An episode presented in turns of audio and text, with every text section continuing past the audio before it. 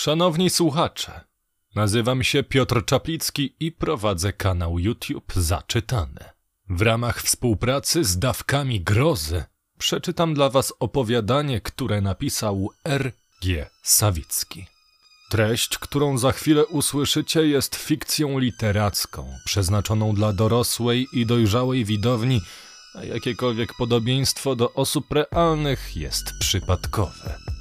Opowiadanie jest chronione prawami autorskimi. Odcinki dawek grozy straszą głównie klimatem i aurą tajemniczości, ale czasem serwujemy naszym słuchaczom sceny krwawe i pełne przemocy. Hm, Zostaliście ostrzeżeni.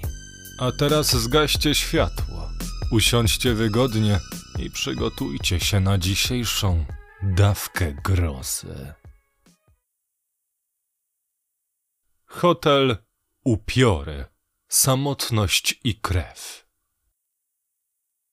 Kolejny nudny dzień rozpocząłem od drinka. Ktoś kiedyś powiedział mi, że na upały najlepszy jest gin z tonikiem i dużo lodu. Wziąłem aż cztery kostki. Potem opuściłem klimatyzowaną salę restauracyjną i poszedłem pod parasole, które mieściły się pomiędzy oczkiem wodnym a placem zabaw. Byłem sam. Pozostali goście wciąż spali. Dopiero zbierali się na śniadanie albo opuścili teren hotelu, żeby zwiedzać atrakcje turystyczne tego malowniczego regionu. Ogólnie było tu dosyć pusto, jak na tę porę roku. Podejrzewałem, że wielu klientów odwołało swoje rezerwacje. Nic dziwnego, jeśli weźmie się pod uwagę to, co właśnie działo się na świecie. Również moja dziewczyna zrezygnowała z wakacji ze mną. Wprawiło mnie to w melancholijny, jeśli nie depresyjny nastrój. Oczywiście miała realny powód, żeby zostać. Mimo wszystko czułem, że mnie zdradziła. Może do siebie nie pasowaliśmy.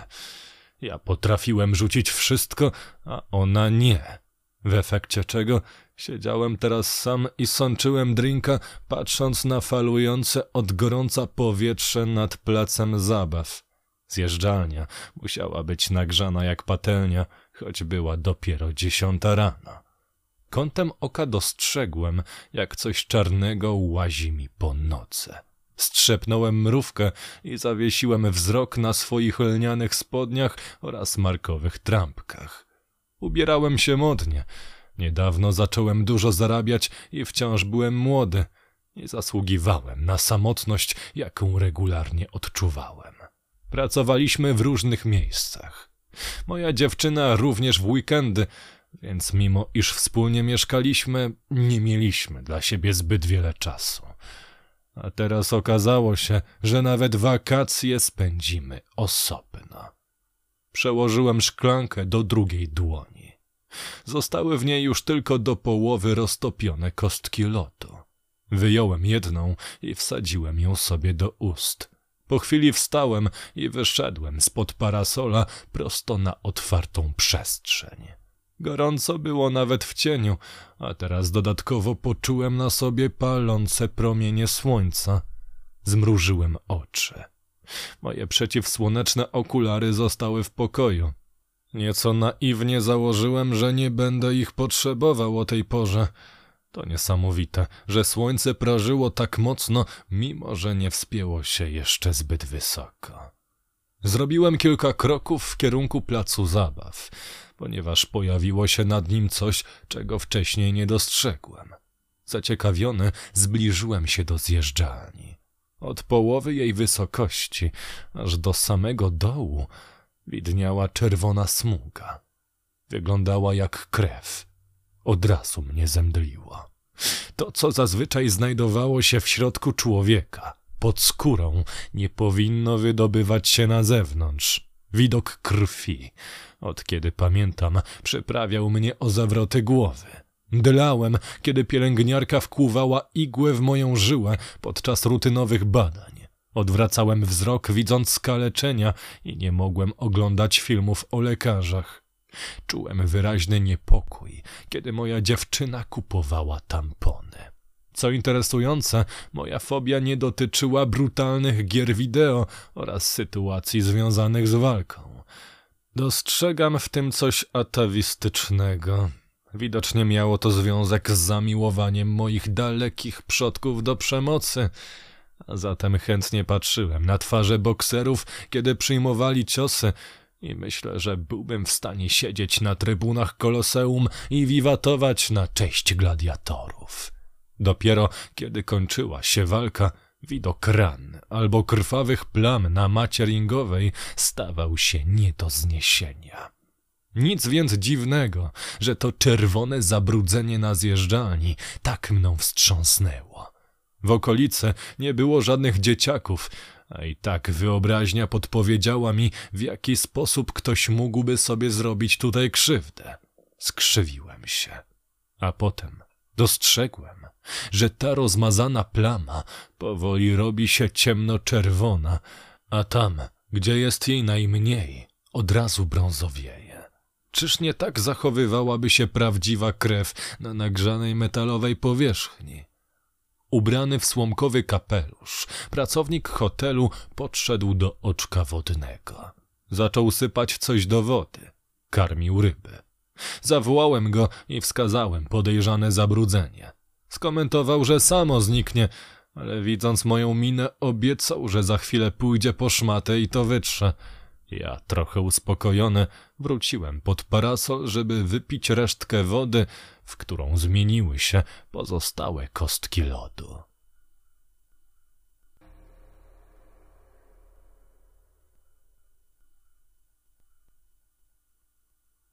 W promieniu 30 kilometrów od hotelu znajdowało się całkiem sporo atrakcji.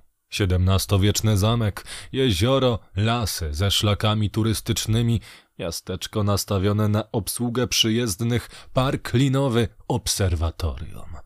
To wszystko miałem zamiar odwiedzić razem z dziewczyną, ale skoro mnie wystawiła, wolałem siedzieć w hotelu. Melancholia, apatia, może trochę, ale przede wszystkim lenistwo. To ona lubiła łazić i zwiedzać. Ja od zawsze wolałem siedzieć w miejscu, delektować się wygodami i korzystać z all-inclusive na alkohole. Swoją drogą, w samym hotelu też było co robić. Poza restauracyjnym barem lubiłem odwiedzać salę gier. Było to przestronne pomieszczenie, stylizowane na kasyno, w którym zawsze panował klimatyczny półmrok. Pod ścianą stały różne głośne automaty, jednoręki bandyta, flipery, gry arkadowe i tym podobne. Po środku mieściły się stoły bilardowe i jeden do gry w ruletkę. Nie było to kasyno z prawdziwego zdarzenia, bo brakowało krupiera i ochroniarzy, ale atmosfera sali gier przypadła mi do gustu do tego stopnia, że przesiadywałem w niej godzinami, głównie ucząc się grać w bilarda. W podziemiach mieściła się siłownia i strefa fitness, a także jacuzzi. Na zewnątrz, nieopodal parkingu, kort tenisowy oraz boisko do siatkówki. Z tych atrakcji nie korzystałem. Lubiłem za to wpaść od czasu do czasu na basen. Zbudowano go w odizolowanym od reszty skrzydle hotelu. Żeby do niego dotrzeć, szło się długim korytarzem ozdobionym fototapetą przedstawiającą rafę koralową. Ta część kompleksu hotelowego wkraczała w las. Sam basen był kryty, ale sufit zrobiono ze szkła, więc miało się wrażenie, że znajduje się on częściowo na powietrzu. Lubiłem pływać na plecach i patrzeć na wierzchołki drzew. Do ciekawych miejsc w hotelu zaliczyłbym jeszcze salę bankietową, konferencyjną, a także umieszczony na dachu taras widokowy. Ten ostatni niestety był dosyć ciasny i nic nie chroniło gości przed promieniami słonecznymi. W swoim pokoju miałem telewizor, lodóweczkę z różnymi trunkami, wygodne meble, niewielki balkon z leżakiem oraz osobną łazienkę. Z domu zabrałem ze sobą książkę o tematyce biznesowej na wypadek, gdybym zechciał się dokształcać, a także komiksy i mobilną konsolę do gier. Niestety marnowało się ogromne dwuosobowe łóżko. Kiedy o tym myślałem, uświadomiłem sobie, że bardziej tęsknię za ciałem mojej dziewczyny niż za nią samą. Nie mogąc nic na to poradzić, wzruszyłem ramionami i położyłem się na łóżko. Nie za bardzo wiedziałem, co ze sobą zrobić, ale mi to nie przeszkadzało. Nadmiar wolnego czasu, a nawet odrobina nudy stanowiły przeciwwagę dla szaleńczego tempa pracy. Pomyślałem, że może to i dobrze, że jestem sam. Skuteczniej odpocznę. Za okna dochodził charakterystyczny odgłos uderzania rakietą o piłkę. Czy ktoś był na tyle szalony, żeby w taki upał grać w tenisa? Jacyś zapaleńcy, pomyślałem. Ewentualnie Janusze hotelarstwa, którzy za wszelką cenę musieli skorzystać z każdej hotelowej atrakcji, którą mieli w ofercie. Chyba jednak to pierwsze, bo odgłos uderzania był regularny. Oznaczało to ludzi, którzy wiedzieli, co robią. Z braku lepszego zajęcia, a uwierzcie mi, że za książki ani gry brać się nie chciałem, postanowiłem sobie za cel sprawdzenie, kto jest na korcie. Nie mogłem tego zrobić z mojego okna, więc opuściłem pokój. Ruszyłem korytarzem w stronę recepcji. Tamtejsze okno wychodziło prosto na parking i te wszystkie boiska. Natychmiast rozwiązałem zagadkę tenisistów. To było to samo małżeństwo, które przyjechało tutaj z rowerami. Fanatycy sportu. Co za strata energii. Skrzywiłem się. Ja na miejscu tego faceta zupełnie inaczej spożytkowałbym towarzystwo kobiety. Wtedy dostrzegłem jakiś ruch od strony parkingu. Czerwone, sportowe auto, dynamicznie minąwszy bramę, znalazło się na środku placu manewrowego, a potem wjechało tyłem na oznaczone kopertą miejsce. Z pojazdu wyszła kobieta, która swoim wyglądem robiła nie mniejsze wrażenie niż jej samochód. Pierwszym, co rzuciło mi się w oczy, był jej sposób poruszania się. Mimo, że ustawiła pojazd idealnie wyznaczonym miejscu i nie czyniła żadnych gwałtownych gestów, coś w jej mowie ciała sugerowało, że wzięła sobie cały ten parking w posiadanie. W drugiej kolejności przyjrzałem się jej ubraniom. Miała na sobie spódnicę z wysokim wycięciem. Dodam, że w kolorze samochodu. Do tego biały bezrękawnik z dekoltem, na którym spoczywał czarny naszyjnik. Nie określiłbym tego połączenia jako grzeczne, ale również nie jako wyzywające. Zachowała pewien umiar, albo raczej balans między elegancją i ekstrawagancją. W tej kobiecie było zdecydowanie coś drapieżnego. Szła w stronę wejścia do hotelu i nagle poczułem się onieśmielony. Było mi głupio, że gapiłem się na nią ze środka. Zanim dotarła do drzwi, zniknąłem w korytarzu.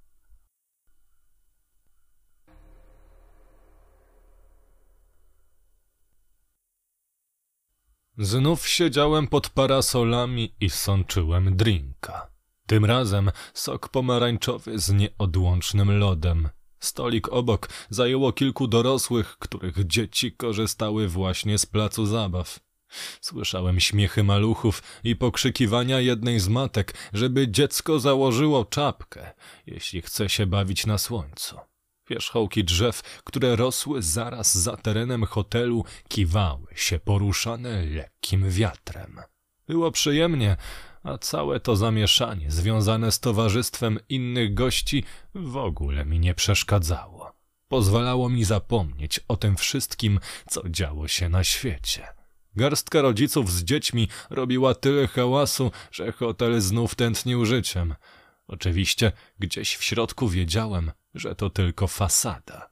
Ci ludzie, ja, tamta usportowiona para i może jeszcze ze trzy czy cztery osoby to byli wszyscy goście, którzy mieszkali obecnie w tym ogromnym hotelu.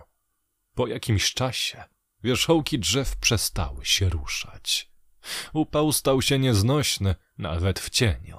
Rozważałem odwrót do klimatyzowanych pomieszczeń, ale zafascynował mnie widok jednego dzieciaka w okularach. Na oko dziesięcioletniego, który namiętnie wspinał się na zjeżdżalnię i korzystał z niej mimo krótkich spodenek. Robił to raz za razem. Może w ogóle nie dotykał łydkami do metalowej powierzchni i dlatego nie czuł, że zjeżdżalnia jest gorąca. Wtem do ogólnego harmidru dołączył krzyk innego rodzaju. Ktoś był przerażony. Dziewczynka, zdaje się siostra dziesięciolatka. Zmarszczyłem brwi i z łomoczącym sercem obserwowałem zajście.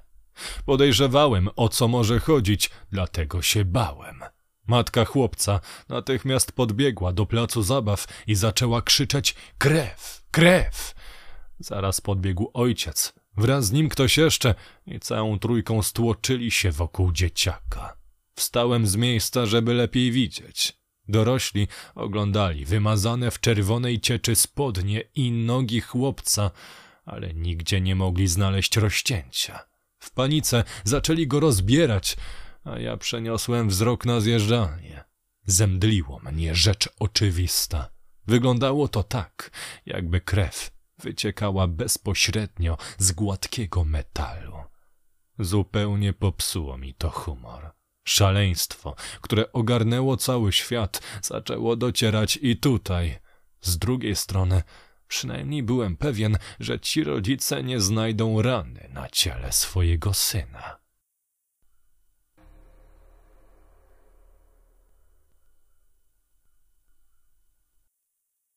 Nie było sensu wracać do miasta, gdzie tego typu zjawiska zdarzały się na dużą, czasem wręcz apokaliptyczną skalę.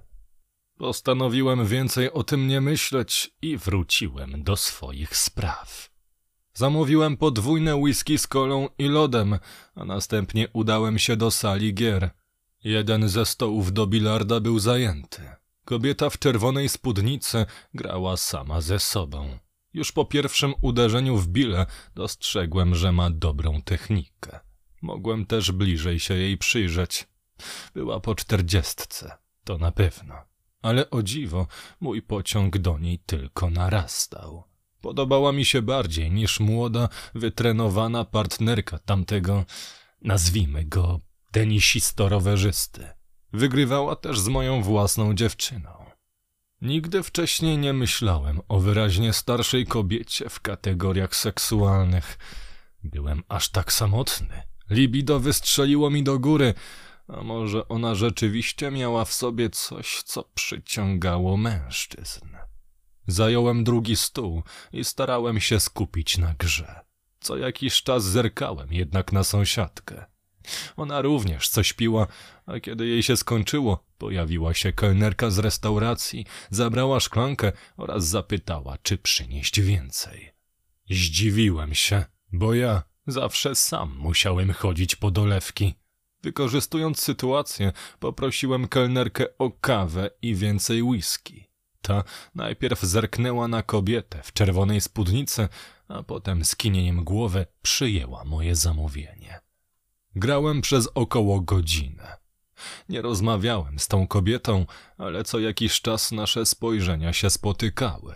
Moje onieśmielenie gdzieś uleciało, ona natomiast od początku patrzyła na mnie bez skrępowania. Jako pierwszy opuściłem salę gier, a następnie udałem się na basen.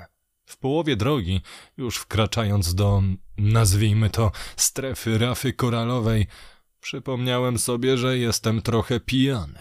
Wzięło mnie bardzo szybko. Lubiłem być w stanie lekkiego upojenia, ale nie należało tego łączyć z pływaniem. Zdecydowałem, że najpierw zdrzemnę się w pokoju. Wkrótce szedłem już korytarzem. Było mi cudownie lekko i o nic się nie martwiłem. To miejsce stanowiło coś na kształt luksusowego bunkra, który chronił mnie przed pracą i szaleństwem rzeczywistości. Może i nie był to stuprocentowo szczelny azyl, ale i tak czułem się w nim bezpiecznie. Jedyne, czego mi brakowało, to... Wtedy ją ujrzałem. Stała w okolicy drzwi do mojego pokoju. Może zajęła kwaterę obok była jedynym wyróżniającym się na tle prostych, eleganckich wnętrzy obiektem, o ile wolno mi tak powiedzieć o ludzkiej istocie. Ja zbliżałem się, a ona wciąż nie wchodziła do swojego pokoju. Czekała na coś. Na mnie? To irracjonalne, ale zaświtała mi taka właśnie nadzieja. A potem zrozumiałem, że kobieta stoi dokładnie przed moimi drzwiami. Powinienem był zapytać, czy się pomyliła, ale język uwiązł mi w gardle. Po prostu stanąłem obok niej i przyłożyłem kartę klucz do zamka. Nasze ramiona ocierały się o siebie. Kiedy już miałem wsunąć się do środka, usłyszałem jej zachrypnięty głos. Podniecił mnie, dlatego przystałem na jej propozycję. Nigdy wcześniej nie spotkałem osoby tak bezpośredniej. Po prostu powiedziała mi komplement i zapytała, czy mam na nią ochotę. Ona również była pijana. Możliwe, że bardziej ode mnie.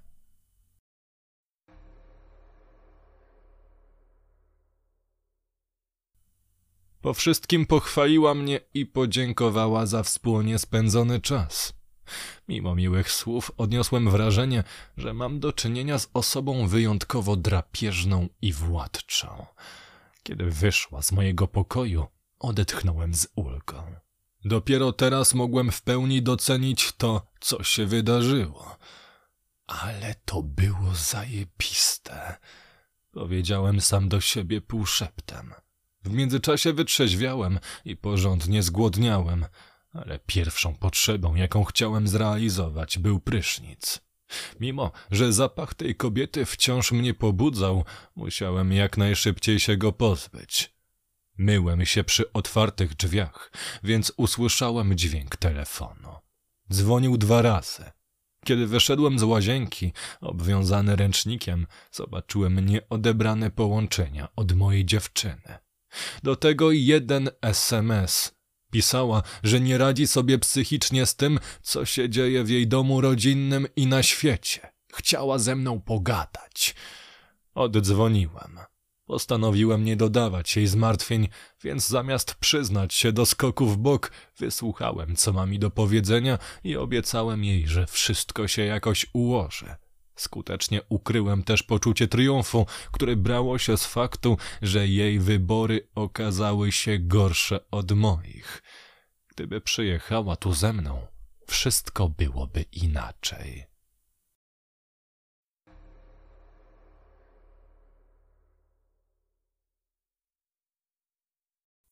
Wieczór był niesamowity. Zachodzące słońce pokryło cały kompleks hotelowy pomarańczową, przechodzącą miejscami w czerwień barwą. Powietrze stało. Suche i równocześnie kleiste oblepiało mnie ze wszystkich stron. Ponad nieruchomymi wierzchołkami drzew widziałem ogromny, żółty księżyc. Ustawiwszy się przy oczku wodnym, obserwowałem, jak wspina się on coraz wyżej i wyżej, bez żadnych przyrządów optycznych widziałem rozmaite struktury na jego powierzchni i rozmyślałem nad tym, jak niezwykłą był rzeczą. Żałowałem, że nie mam lornetki. Jednocześnie doceniłem fakt, że przyjechałem tutaj sam. Mając towarzystwo, nawet nie zwróciłbym uwagi na pełnię. Wkrótce słońce zaszło, a okolice spowił półmrok. Ja wciąż stałem przy oczku wodnym i razem z parasolami, placem zabaw i budynkami hotelu przekraczałem granicę pomiędzy dniem a nocą. Księżyc zrobił się mniejszy, a jego żółta barwa wyblakła. Przeniosłem spojrzenie na upiorną zjeżdżalnię.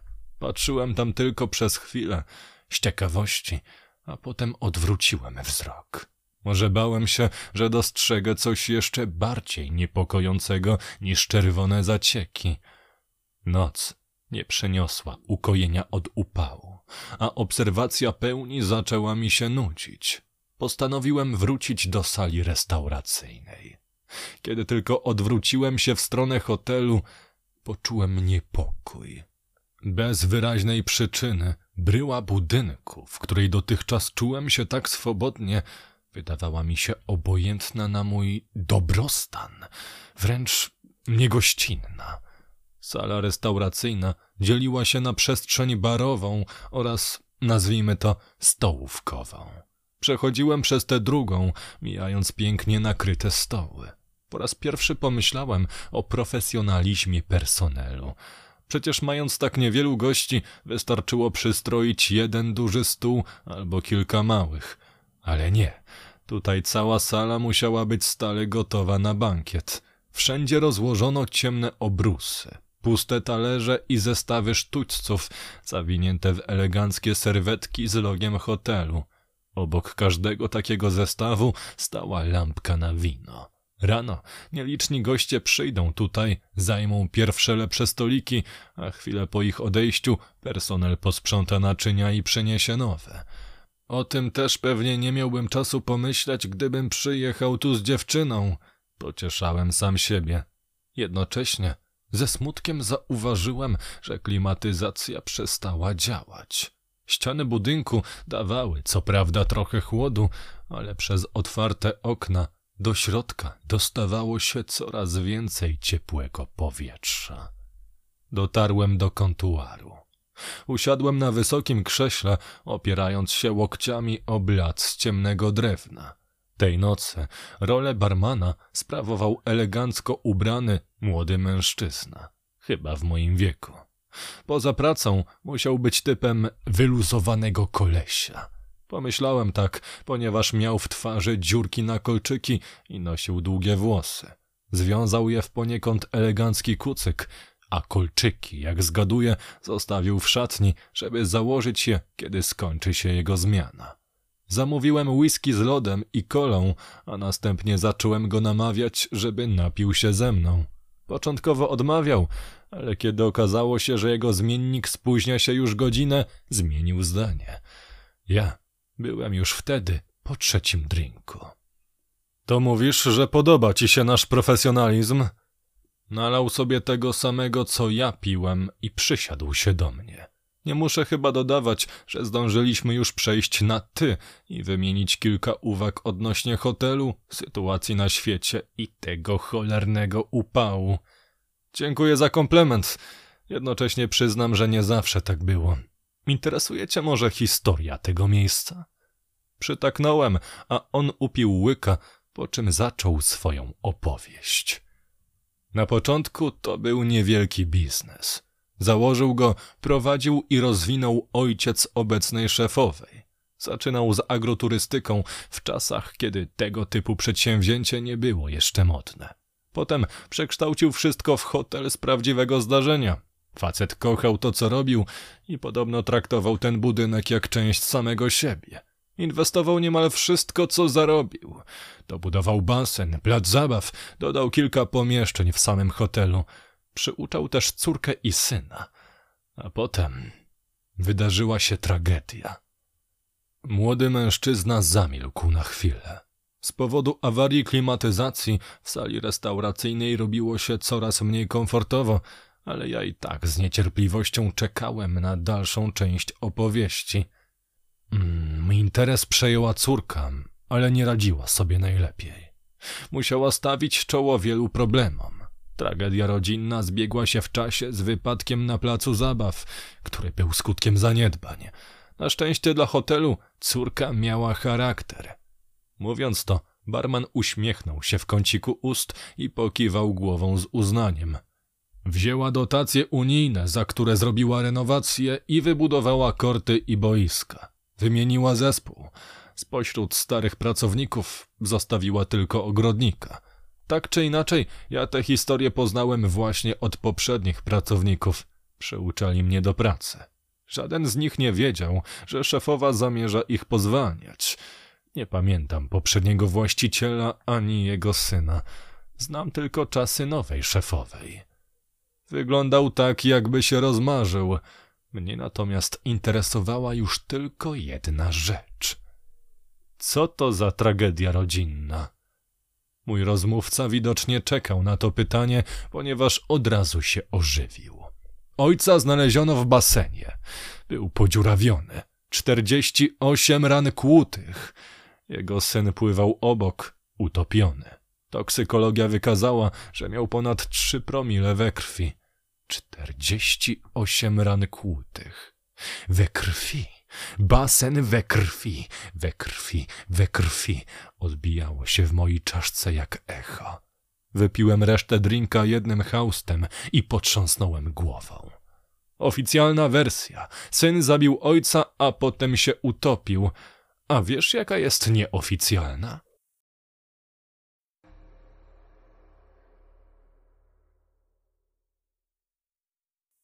Lekko się chwiałem. Nie wiem dlaczego trzymałem w ręku butelkę piwa. Nie piłem, tylko wylewałem po trochu z każdym krokiem. Przy oczku wodnym, w świetle księżyca, widniała czyjaś sylwetka. Słomkowy kapelusz, pan ogrodnik. Barman powiedział mi, że jeśli chce się czegoś więcej dowiedzieć, muszę pytać właśnie jego.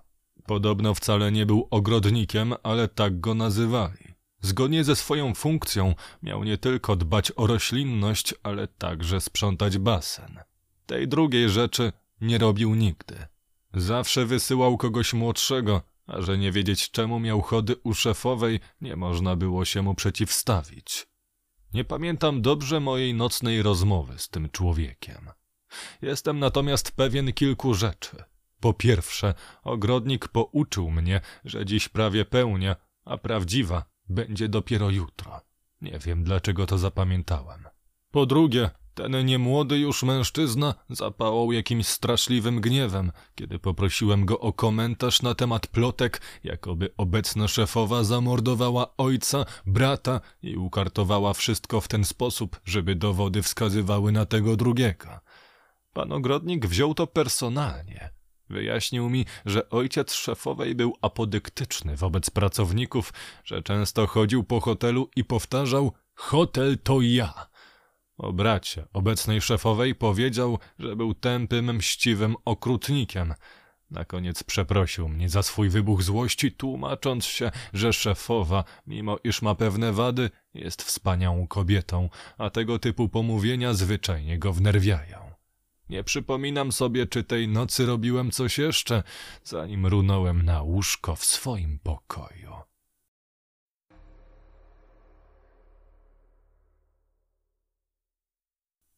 Żałowałem, że przed pójściem spać nie zasłoniłem okien. Promienie poranka ponaglały mnie, żebym zwlókł się z łóżka.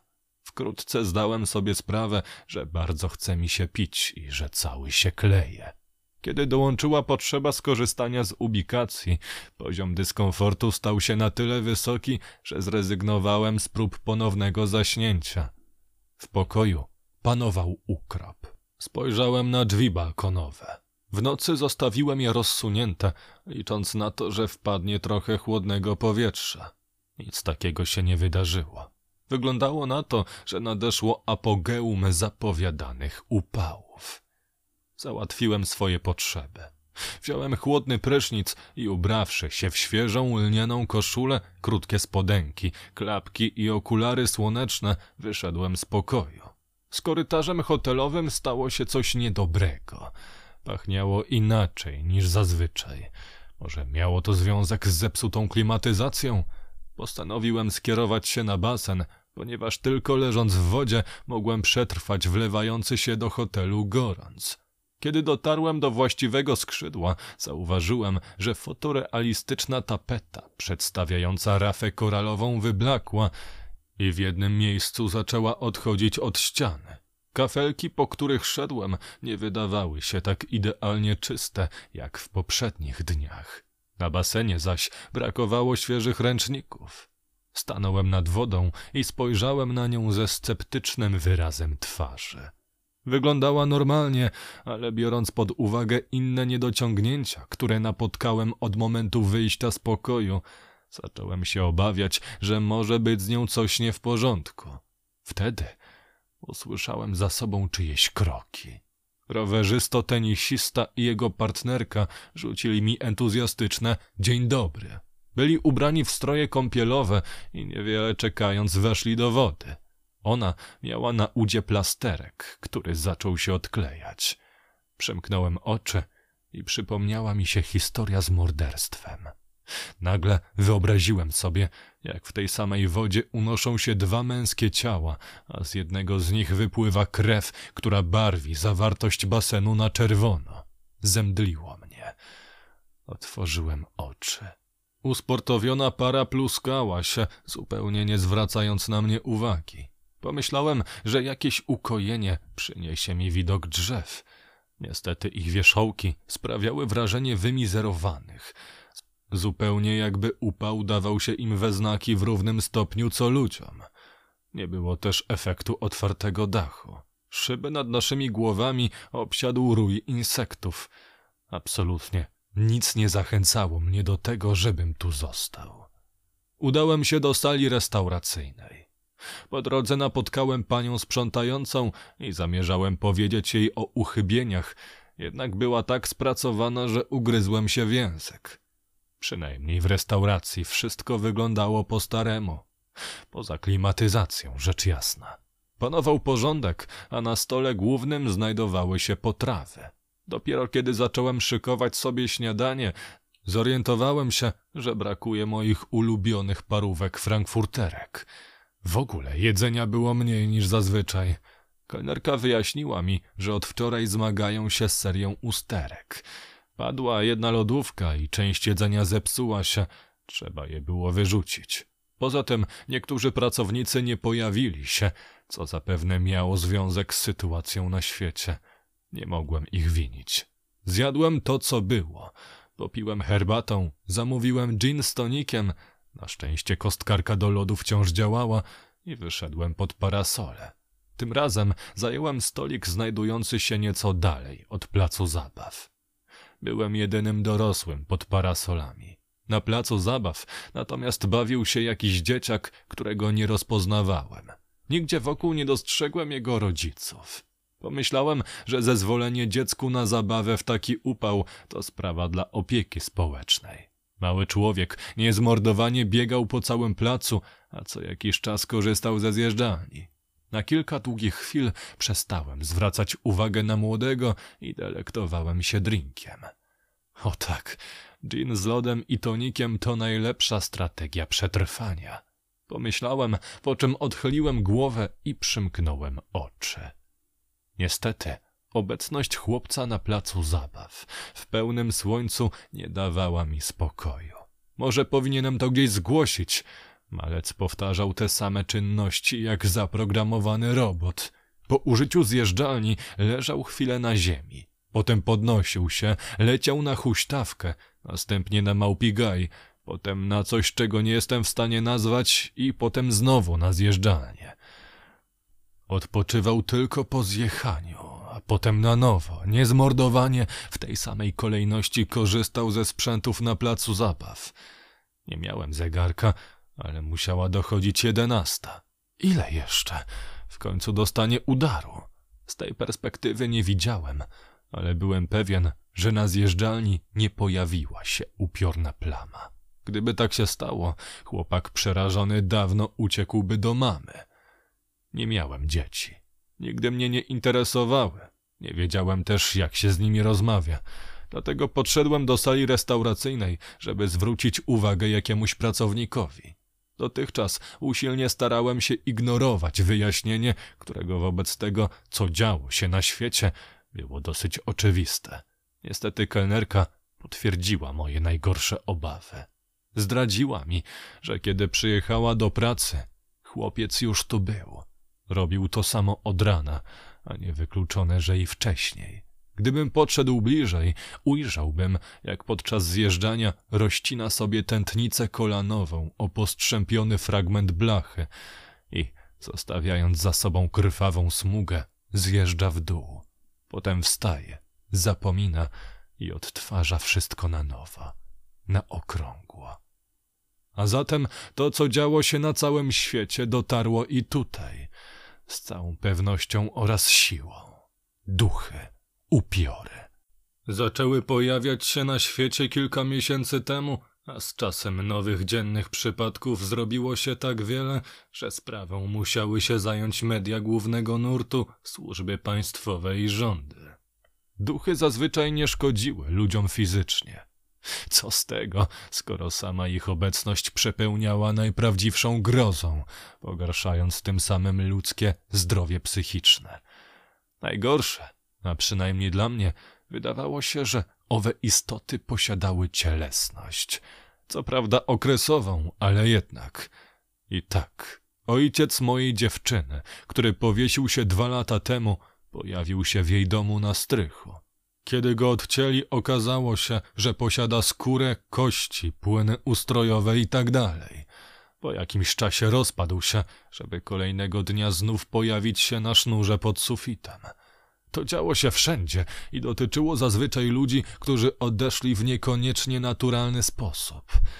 Dlaczego cielesność duchów była dla mnie najgorsza? Niektóre krwawiły. Potrafiły produkować więcej kleistej, obrzydliwej posoki niż miałyby w ciele.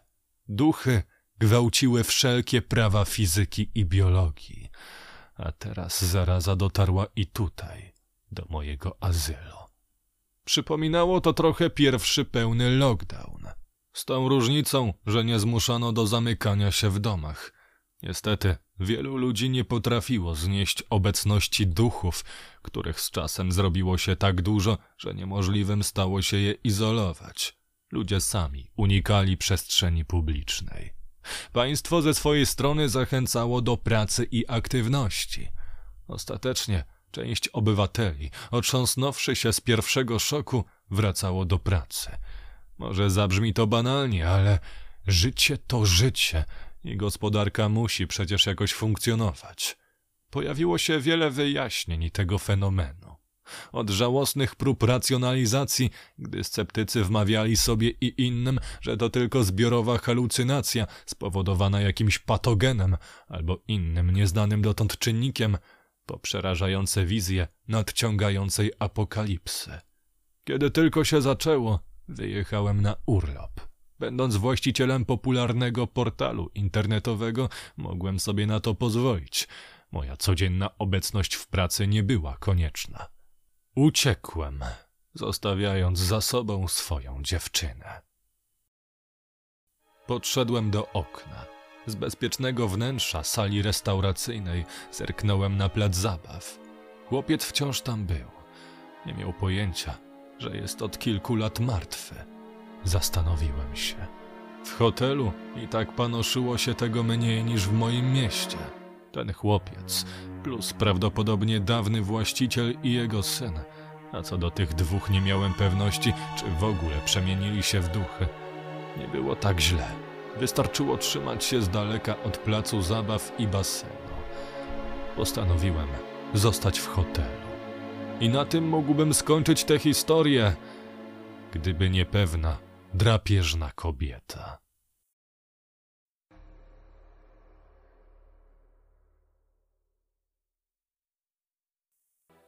Idąc korytarzem do pokoju, dostrzegłem kolejne zmiany. Nie wszystkie światła działały, a nieprzyjemny zapach nabrał na sile. Pleśń w ścianach. Niemożliwe. Zatrzymałem się przed drzwiami do swojej kwatery. Wygrzebałem kartę klucz i wszedłem do środka. Jakim zaskoczeniem było, kiedy ujrzałem tę kobietę siedzącą na moim łóżku. Bez ogródek zapytała, czy mam ochotę na powtórkę. Powiedziałem, że nie. Wobec panujących okoliczności było to jedyne rozsądne rozwiązanie. Ona wzruszyła ramionami, wstała, a następnie skierowała się ku drzwiom. Kiedy mnie minęła, przypomniałem sobie, jak było mi dobrze. Złapałem ją za nagie ramię. Odwróciła do mnie twarz i uśmiechnęła się pożądliwie. Dostrzegłem w jej oczach również wyniosłość, może poczucie triumfu. To nie miało znaczenia. Już byłem podniecony i zrobiłbym wszystko, żeby znaleźć się z nią w łóżku. Na szczęście nie wykorzystała swojej pozycji, żeby mnie dręczyć. No, może poza drobną uwagą w stylu dobry chłopiec. Kochaliśmy się i nasz drugi raz był najlepszym w moim życiu. Robiła mi rzeczy, których nie opiszę. Niektóre były bolesne, inne tylko dziwaczne. Kiedy się mną nacieszyła, odeszła bez słowa, ale po kilkunastu minutach przysłała kelnerkę z szampanem. Takiego rocznika nie można było dostać w ramach All Inclusive. Przyjąłem prezent, nie przejmując się dezaprobatą, z jaką patrzyła się na mnie młoda, spocona na twarzy kelnerka. To była ta sama dziewczyna, która obsługiwała w sali gier podczas wczorajszej gry w bilarda. Kiedy ochłonąłem, zacząłem szukać apteczki. Miałem na swojej skórze kilka niegroźnych zadrapań. Ból podczas stosunku nie robił mi różnicy, a nawet stanowił ciekawe urozmaicenie. Ale wiecie, widok krwi to moja pięta achillesowa. Zużyłem łącznie pięć plasterków na trzy niewielkie ranki. Dwa plastry zmarnowałem. Tak się śpieszyłem, żeby zakryć czerwień przed własnym wzrokiem. Gdy się opatrzyłem, otworzyłem szampana i ułożyłem się wygodnie w towarzystwie popularnych komiksów. Wkrótce dało o sobie znać zmęczenie spowodowane wczorajszym piciem do późna, wizytą tej kobiety oraz upałem. Przymknąłem oczy i zdrzemnąłem się.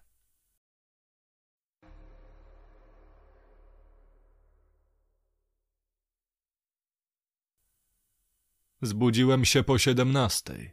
Spało mi się dobrze. Czułem, że wypocząłem, a gorąc przestał mi tak bardzo doskwierać. Temperatura nie spadała ani o stopień. Widocznie to ja się przyzwyczaiłem. Dostosowałem swoje zachowanie do sytuacji. Wykonywałem oszczędne ruchy, przyjmowałem dużo wody. Zdecydowałem się nie pić więcej alkoholu. Poczułem głód, więc skierowałem się do sali restauracyjnej.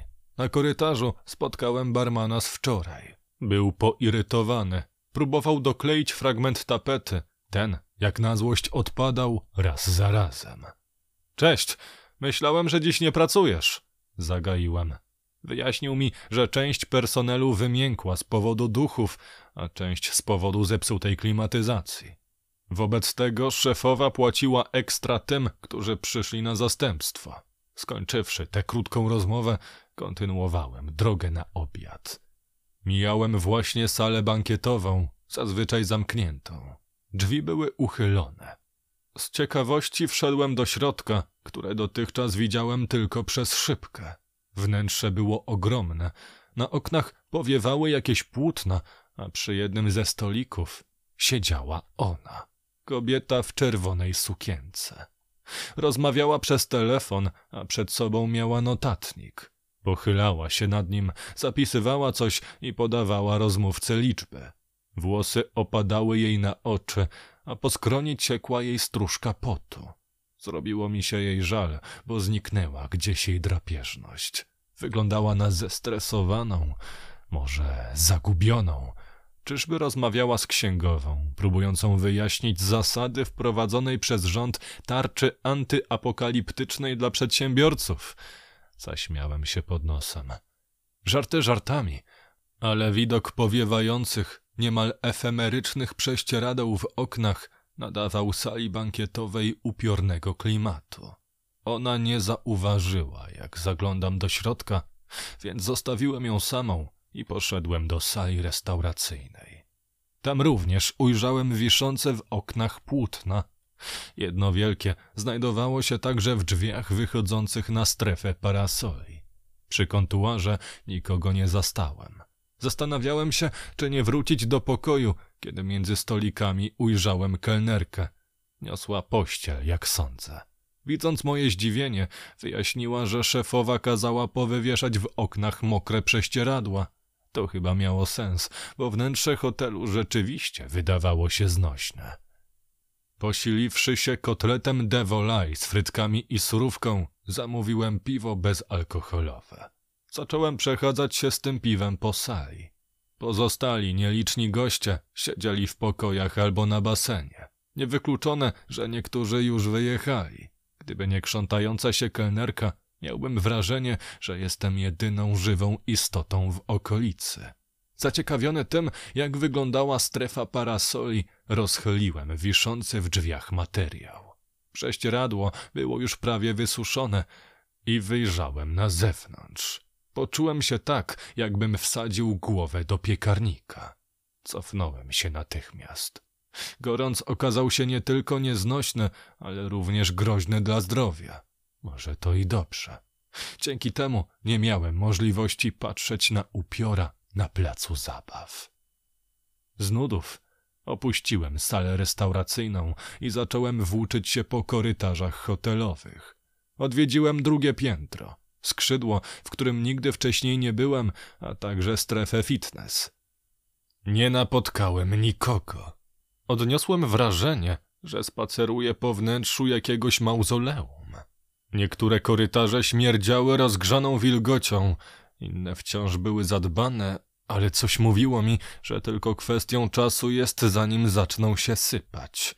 Już myślałem, że nic nadzwyczajnego się nie wydarzy, aż zawędrowałem w jedno z dobrze znanych mi miejsc.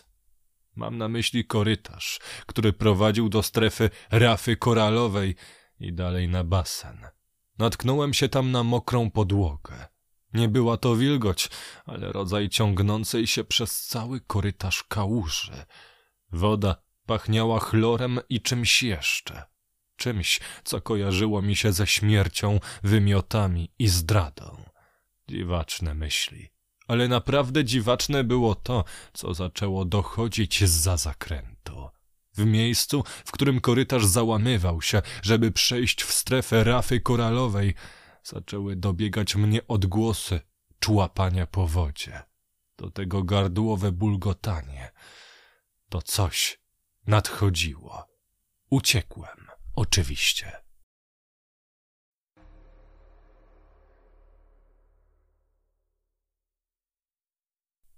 Szukałem kobiety, która potrafiła zrobić mi dzień. Obawiałem się, że może nie znajdzie dla mnie czasu, albo zwyczajnie odrzuci moje zaloty.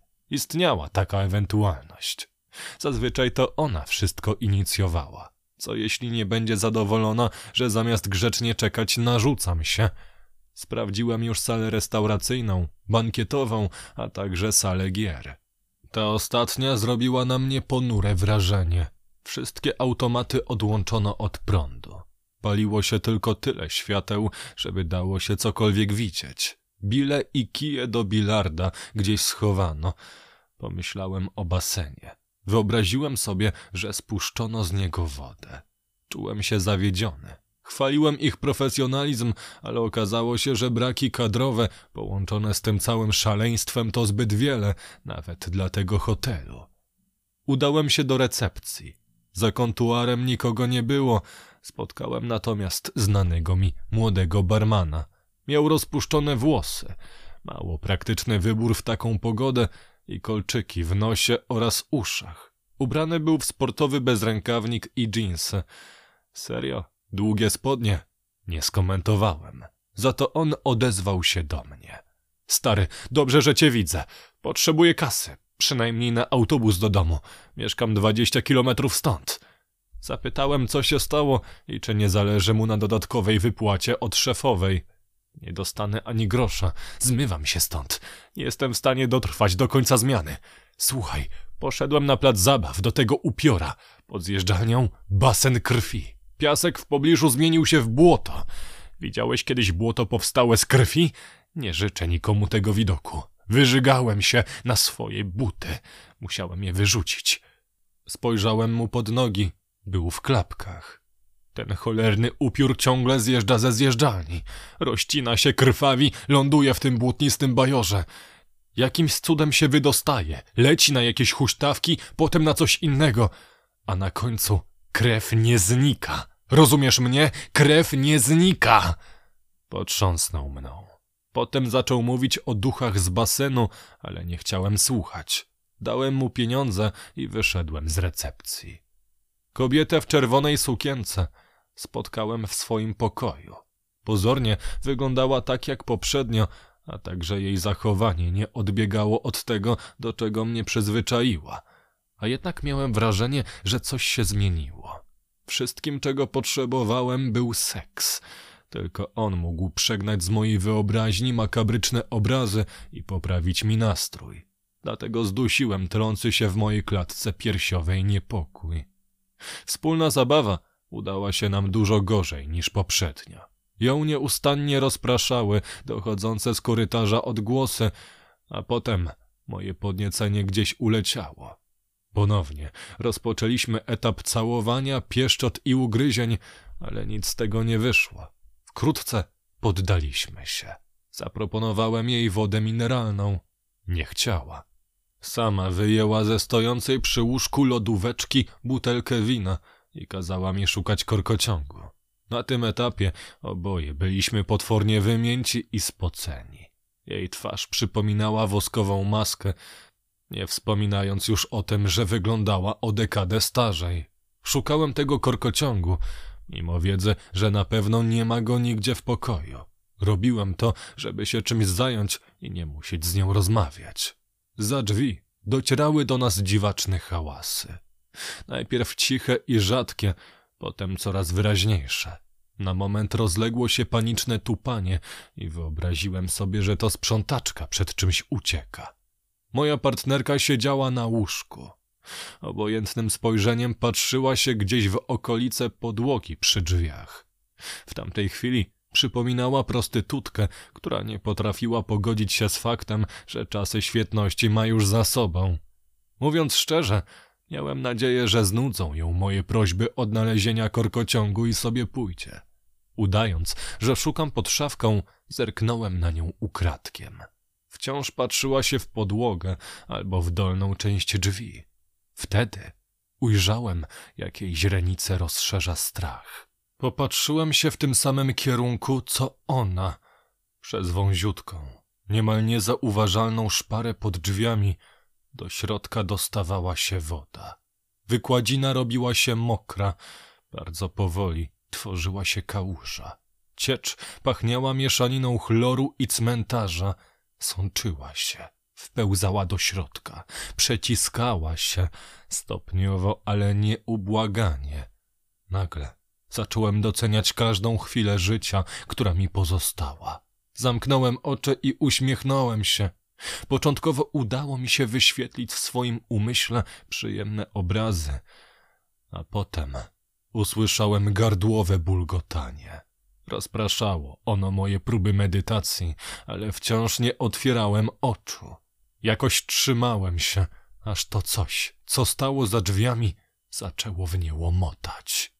Kobieta zareagowała krzykiem przerażenia. Ja wzdrygnąłem się, a po otwarciu oczu zrobiłem dwa kroki w tył, ponieważ kałuża niebezpiecznie się zbliżyła. Zakląłem. Ona ponaglała mnie, żebym przyparł do drzwi i je trzymał. Ja nie chciałem wchodzić w obrzydliwą ciecz. Nie dla niej, bez przesady. Ale wkrótce łomotanie stało się tak silne, że zacząłem się obawiać, czy drzwi wytrzymają. Zacząłem zastawiać wejście meblami, a moja hotelowa partnerka przyłączyła się. Po chwili oboje człapaliśmy na bosaka w wodzie i przysuwaliśmy kolejne meble. Po paru chaotycznych chwilach stworzyliśmy barykadę z łóżka, szafy, małej szafki i lodóweczki. Byliśmy bezpieczni.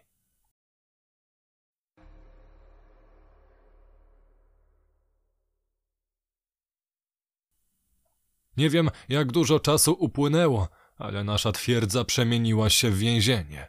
Co prawda poziom wody doszedł do kostek i tam się zatrzymał, ale łomotanie nie ustało. Barykada spełniała swoje zadanie wyśmienicie. Co z tego, skoro nie mogliśmy wyjść? Dodatkowo w pokoju było jak w saunie, a niealkoholowe picie kończyło się.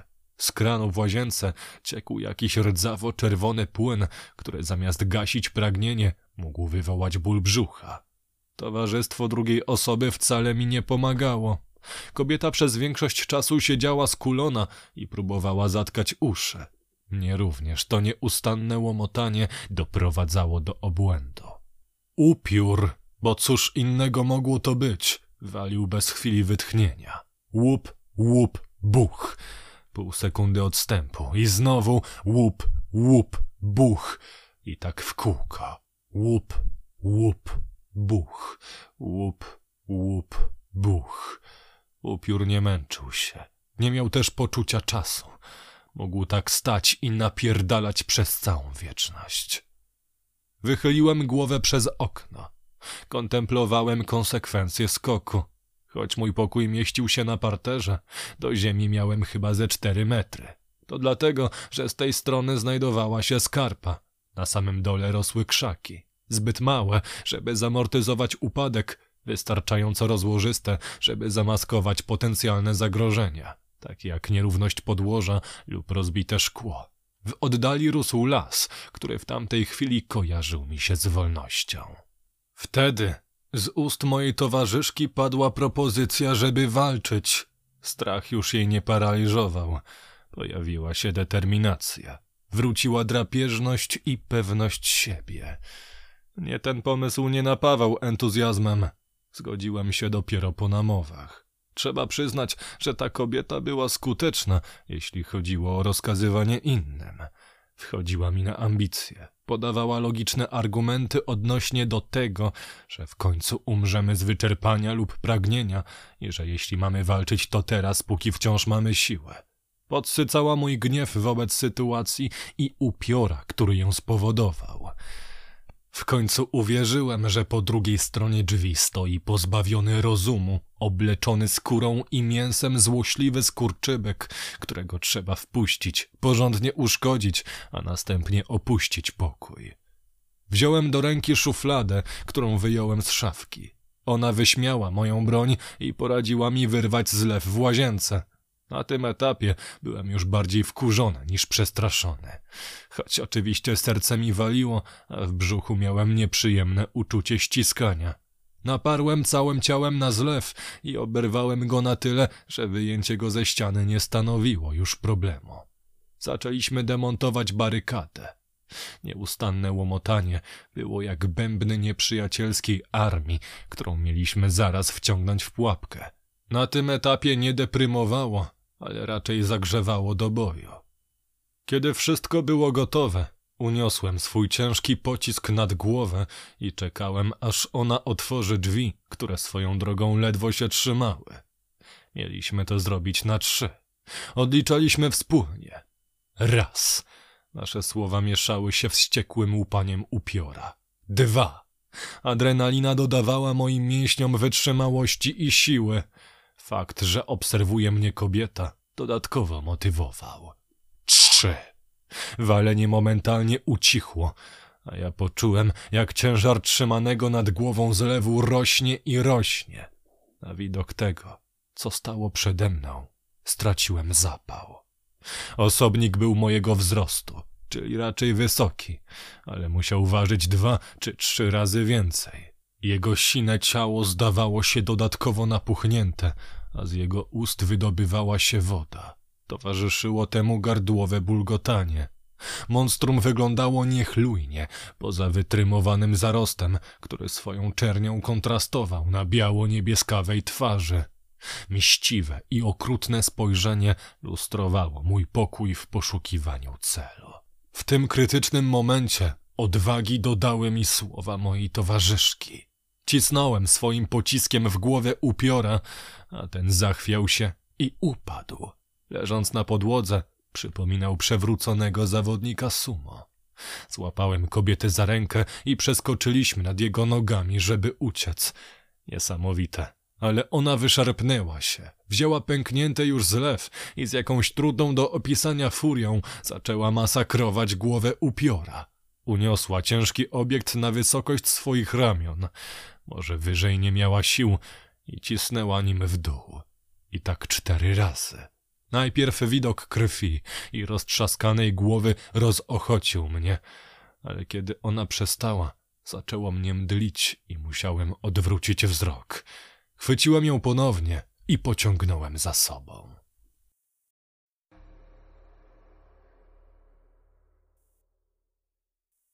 Hotel był opuszczony, a przynajmniej na taki wyglądał. Powoli nadchodził zmrok. Wnętrza budynku stały się coraz mniej wyraźne i coraz bardziej niegościnne. Wilgoć wypełniła korytarze, a w niektórych miejscach podłoga przypominała brodzik. Ściany zaczynały gnić. Momentami odnosiłem wrażenie, że znajduję się nie wewnątrz nowoczesnego kompleksu hotelowego, ale w środku jakichś gargantuicznych zwłok. Na szczęście poziom zepsucia nie osiągnął jeszcze maksimum i w niektórych pomieszczeniach wciąż dało się wytrzymać. Przykładowo, sala restauracyjna wydawała się nietknięta bluźnierczymi przemianami. Była za to ponura, mroczna. Krzesła poustawiano na stołach, za barem nikogo nie było, a światła i ustawiony w rogu ekran telewizora wyłączono. Sprawiało to wrażenie zamkniętej restauracji. Widocznie pracownicy, którzy ewakuowali się z hotelu, zdążyli wykonać czynności, których wymagała od nich szefowa. Spojrzałem na moją towarzyszkę. Siedziała na wysokim krześle i piła pilsnera z eleganckiego pokala. Wyglądała jak sto nieszczęść. Bardziej pasowałaby do niej puszka jakiegoś taniego piwska. Ja stałem obok, oparty o kontuar. Nawadniałem się w połowie ciepłą Coca-Colą. Lodówki już nie działały, jak również kostkarka do lodu. Dlaczego nie uciekliśmy do lasu? Początkowo próbowaliśmy, ale wtedy było jeszcze zbyt gorąco, a nas dręczyło pragnienie. Co gorsza, moja towarzyszka nabawiła się jakiejś kontuzji pleców. Największy ból złapał ją zaraz po opuszczeniu hotelu. Musiała położyć się gdzieś w cieniu, wziąć leki. Więc wróciliśmy. Teraz ona siedziała w dziwacznie wykręconej pozycji, a na jej twarzy malował się grymas bólu, ale było już znacznie lepiej. W apteczce na zapleczu baru znajdował się ketonal, a ona oczywiście świetnie się orientowała, gdzie co jest. Niestety straciłem z nią kontakt. Upiła się i bełkotała jakieś prośby, polecenia. Opowiadała niestworzone historie o swojej rodzinie. Domyślam się, że chciała nakreślić mi odpowiednią perspektywę tego, co się działo. Mało rozumiałem z jej wynurzeń na temat ojca autokraty i złośliwego, czyhającego na spadek brata. Ustawiłem się za nią i masowałem jej plecy. Moje dłonie kleiły się do jej skóry. Dotykanie drugiej osoby w tym upale było ostatnią rzeczą, jaką chciałem zrobić, ale czułem, że powinienem się w nią w jakiś sposób zaopiekować. Po pewnym czasie zrobiła się senna, więc zdjąłem ją z krzesła i ułożyłem na ziemi pod ladą barową. Obawiałem się, że prędzej czy później duch jej brata odrodzi się i zacznie nas szukać. Przyjąłem założenie, że jego nadejście poprzedzi gardłowy bulgot, co da nam czas na przygotowanie się. Inną rzeczą, która napawała optymizmem, był stan sali restauracyjnej. Podłoga wciąż pozostawała sucha. Może to miejsce nie znajdowało się na zaprogramowanej przez emocje i wspomnienia ścieżce upiora, a może unikał on tego miejsca, bo się czegoś bał. To niewypowiedziane na głos pytanie skłoniło mnie do pewnych przemyśleń. Jaki stopień świadomości posiadały upiory? Co mogły robić, a czego nie mogły? Próbowałem sobie przypomnieć analizy zapraszanych do telewizji ekspertów – Niestety, kiedy tylko to się zaczęło, starałem się odciąć od informacji. A więc nie wiedziałem nic poza tym, że duchy zyskiwały czasową cielesność i tym samym możliwość oddziaływania na otoczenie. Rozejrzałem się po uśpionej sali. Słońce już zaszło, prześcieradła w oknach dawno wyschły na wiór. Poruszał nimi delikatny wietrzyk. Nie dawał wytchnienia, za to przesuwał płótna na tyle, żeby wpuścić do środka księżycowy blask. No tak, dopiero dzisiejszej nocy nadeszła prawdziwa pełnia. Kraniec sali restauracyjnej tonął w mroku. Było cicho jak w grobowcu. Zdarłem jedno prześcieradło i zrobiłem z niego prowizoryczną poduszkę, którą wsunąłem śpiącej pod głowę. Potem wyszedłem na zewnątrz, pod parasole. Miałem nadzieję spotkać kogoś żywego kogokolwiek, ale przy oczku wodnym nie było ogrodnika. Usportowiona para nie uprawiała nocnej kalisteniki, nie kręcił się też żaden kelner czy barman. Pomyślałem, że wszyscy uciekli. I wtedy ciekawość okazała się silniejsza niż strach. Podszedłem w to miejsce, z którego było widać zjeżdżalnię. Aż zakręciło mi się w głowie, kiedy to ujrzałem. Upiór chłopca, doskonale widoczny w księżycowym blasku, niezmordowanie zjeżdżał do basenu krwi, którą sam wyprodukował. Kiedy to zniknie? Złapałem się za głowę i padłem na kolana. Po chwili dźwignąłem się i zacząłem iść w kierunku placu zabaw. Postanowiłem, że z nim porozmawiam.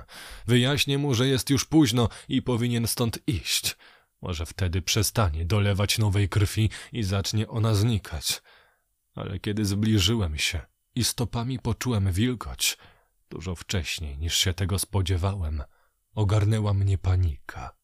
Bałem się spojrzeć pod nogi. Patrzyłem więc przed siebie. Chłopiec, będący na szczycie zjeżdżalni, zauważył mnie. Uśmiechnął się spod swojej długiej grzywki i pomachał mi. Potem z impetem usiadł na blasze zjeżdżalni.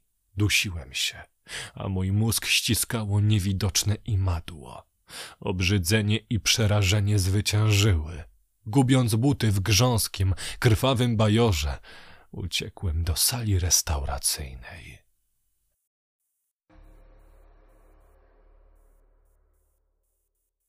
Moja fobia dawała o sobie znać nawet, kiedy wróciłem do środka.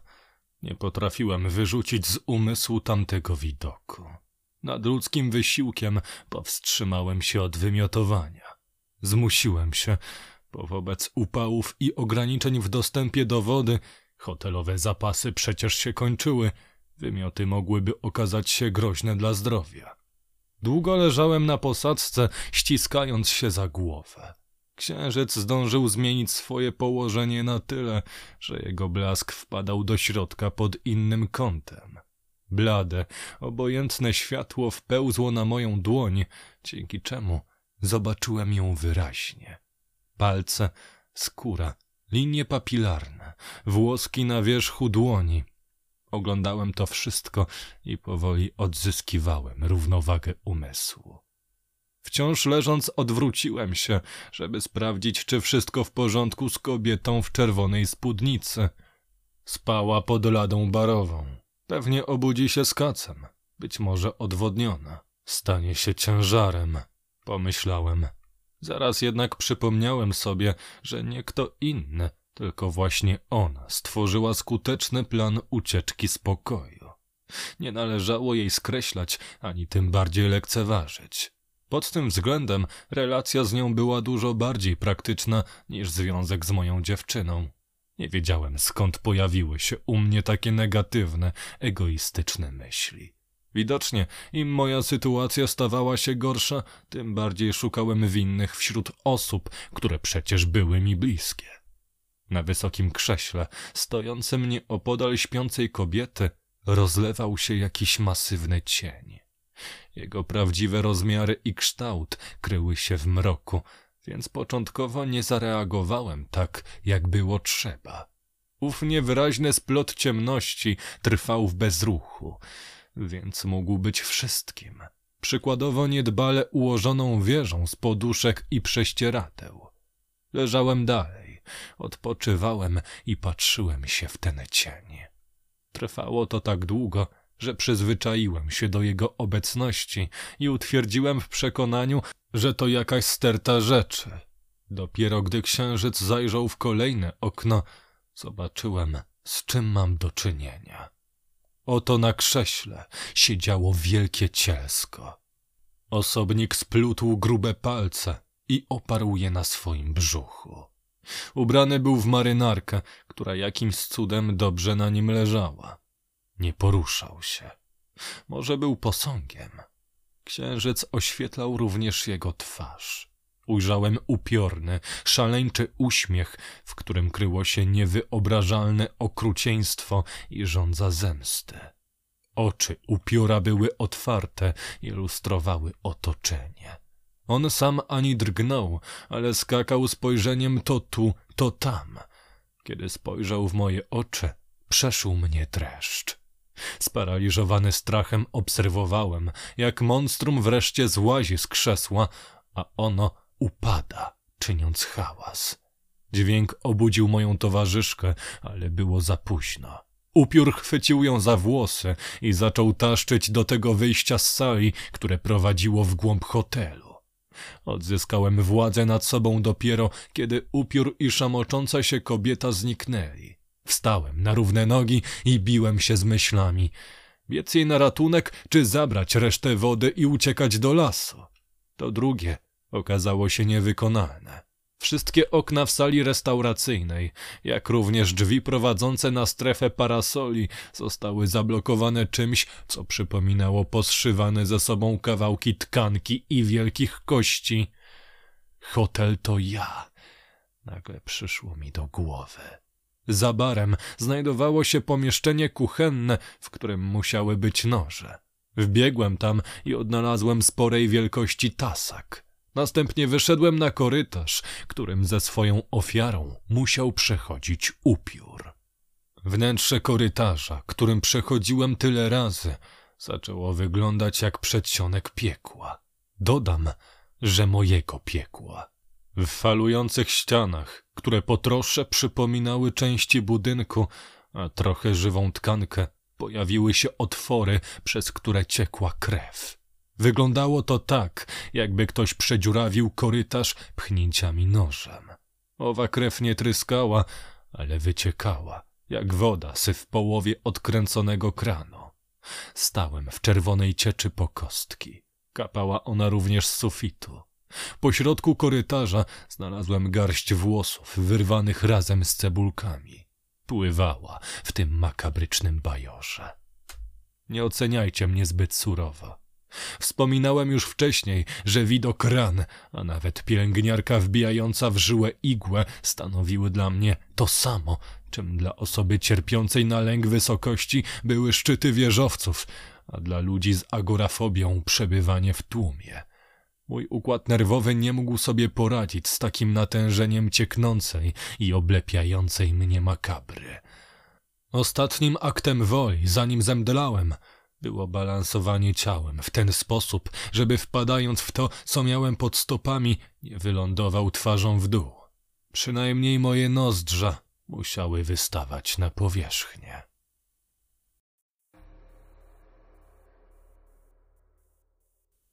Pierwszym, co ujrzałem, kiedy otworzyłem oczy, były ściany. Nie poruszały się. Z licznych dziur nie sączyła się krew, ale widziałem upiorne, zaschnięte zacieki. Przypomniałem sobie wszystko i wróciły objawy paniki. Z sercem walącym jak kanonada artylerii poderwałem się na nogi. Obrzydliwa czerwień, która wcześniej wręcz zalała korytarz, teraz zniknęła. Wsiąkła w dywan i częściowo wyschła. Poprawiłem się. Z krzykiem na ustach zdarłem z siebie ubranie. Wszystko, co miałem na sobie, kleiło się od po części zastygłej już krwi. Miałem ją też na sobie, zaschniętą, stężałą. Kiedy zachwiałem się i poczyniłem krok w losowym kierunku, poczułem, jak ciecz klei mi się do stóp. Gdyby zerwać dywanową wykładzinę z korytarza i wycisnąć ją, uzbierałyby się ze dwie wanny krwi. Krwi! Krwi! Z mocno zaciśniętymi powiekami stałem prosto i próbowałem sobie wyobrazić, że chodzę po zroszonej trawie. Kierując się pamięcią, po omacku dotarłem do sali restauracyjnej. Wreszcie mogłem otworzyć oczy. Tasak, który miałem za sobą do walki. Wypuściłem go sam nie wiem kiedy. Ratowanie mojej byłej kochanki już była trupem. A jeśli przywołany do życia duch pierwszego właściciela hotelu torturował ją, zamiast od razu zabić, nie mogłem na to nic poradzić. Upiór nie musiał nawet krzywdzić mnie fizycznie. Już ze mną wygrał. Stałem na bosaka, całkowicie goły, ponieważ nie potrafiłem znieść myśli o tym, że moje ubrania nasiąknęły krwią. W sali restauracyjnej próbowałem coś przedsięwziąć. Nic nie blokowało ucieczki, a całe przestronne pomieszczenie wyglądało już całkiem normalnie. Zauważyłem też, że nadszedł nowy dzień. Niestety, wciąż byłem brudny.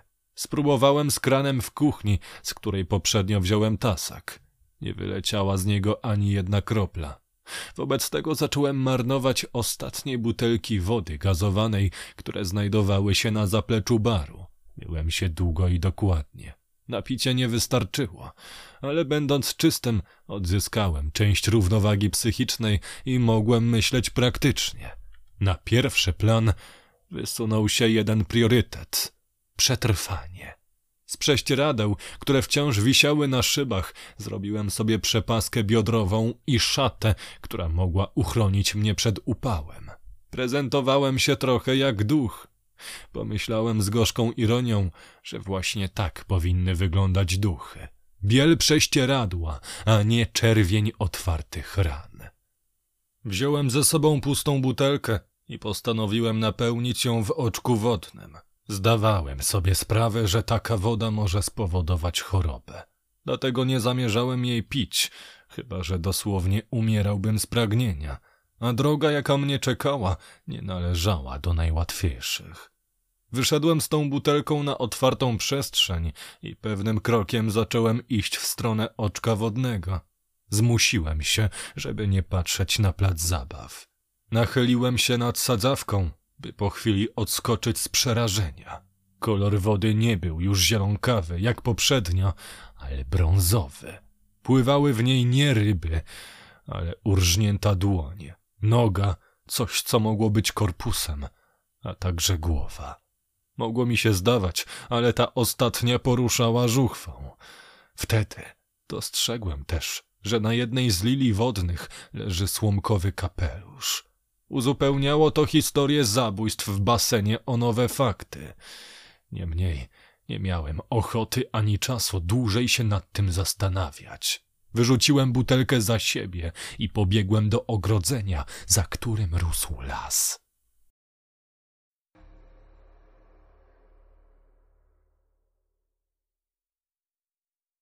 Przedzierając się przez wysuszoną ściółkę, żałowałem, że nie postarałem się o buty. Każde nadepnięcie na szyszkę bolało, a raz na jakiś czas musiałem robić postój i sprawdzać, czy sosnowa igła nie przebiła mi podeszwy.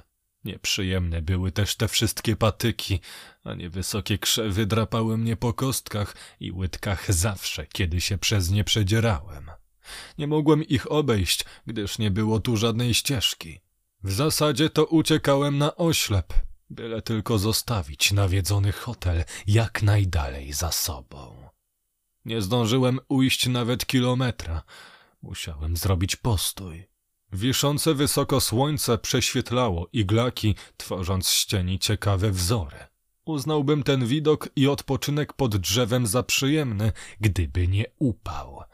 Mimo, iż nie znajdowałem się na otwartej przestrzeni, wszystko dookoła mnie pozostawało suche, a powietrze stało w miejscu. Przymknąłem oczy i wsłuchałem się w las. Usłyszałem dzięcioła. Gdzieś nieopodal spadła szyszka. Oprócz tego słyszałem własny oddech. Nawet nabieranie i wypuszczanie powietrza było męczące. Kusiło mnie, żeby się położyć i zasnąć. Byłem wycieńczony, mimo że nie tak dawno przebudziłem się ze snu. Widocznie nie da się wypocząć w upale i stresie, w krwawym korytarzu, w towarzystwie zjaw. Wstałem, ale nogi miałem jak zołowio. Brnąłem przed siebie, coraz częściej robiąc postoje. Po jakimś czasie wyszedłem na asfaltową drogę bez pobocza. Niekoniecznie polepszyło to moją sytuację, ponieważ nie wiedziałem, w którym kierunku się udać i ile czasu będę szedł. Poza tym szosa była nagrzana i to pomimo faktu, że po obu jej stronach rósł las. Rozważałem, żeby paść na kolana i zacząć iść na czworaka. Wciąż chroniły mnie przed tym resztki godności. Wtem usłyszałem za sobą ryk silnika. W moje serce wlała się nowa nadzieja. Postanowiłem, że zatrzymam tego kierowcę, choćbym miał wybiec na środek i ryzykować śmierć pod kołami. Auto zbliżało się szybko. Odgłos wydawał się znajomy, co tym bardziej mnie rozweseliło. Mina zrzedła mi dopiero, kiedy zobaczyłem kolor. W panice rzuciłem się do rowu.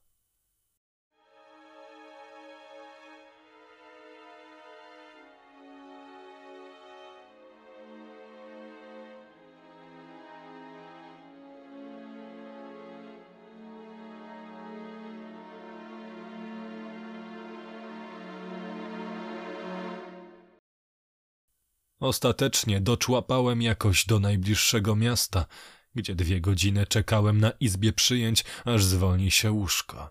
Opatrzyli moje stopy i zostawili mnie w przepełnionej sali chorych.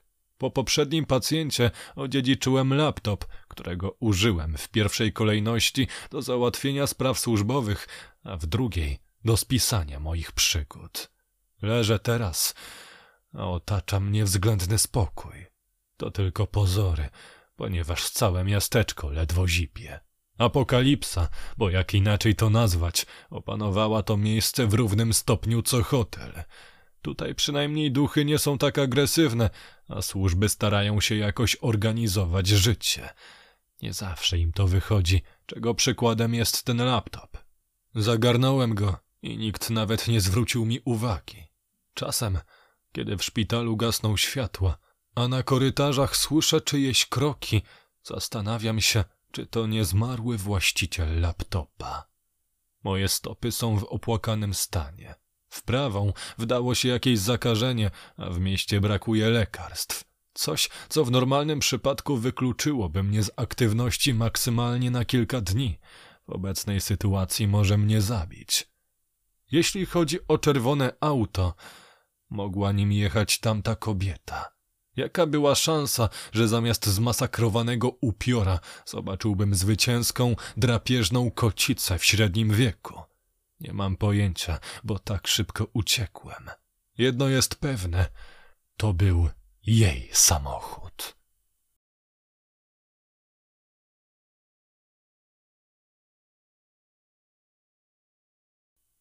Widocznie stałem się pacjentem drugiej kategorii, ponieważ moje łóżko oddano komuś innemu. Nakazano mi opuścić szpital, ale gdzie miałbym się podziać? Nie mam ze sobą telefonu, środka transportu, a co gorsza zakażenie w mojej nodze chyba się odnowiło. Przychodzę więc na izbę przyjęć każdego nowego dnia i pokazuję im tę paskudną ranę, tłumacząc, że muszę wrócić na oddział. Oni ze smutkiem odpowiadają, że zrobili co mogli. Nie pozwalają mi wejść. Na sali chorych miałem prąd. Teraz korzystam z baterii. Wobec tego moje relacje wkrótce ustaną. W zasadzie to mogę je przerwać tu i teraz. I tak nie dzieje się nic ciekawego. Chodzę do nich i pokazuję stopę. Oni mówią swoje. Ja ze spuszczoną głową opuszczam szpital, żeby wrócić w to samo miejsce następnego dnia. Ach, przynajmniej upał już mi nie dokucza. W ogóle nie czuję gorąca.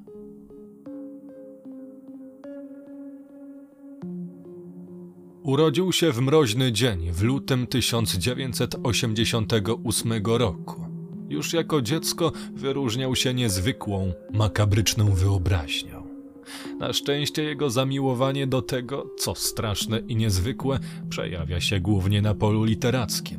Interesuje się między innymi historią starożytną, dla rozrywki trenuje boks.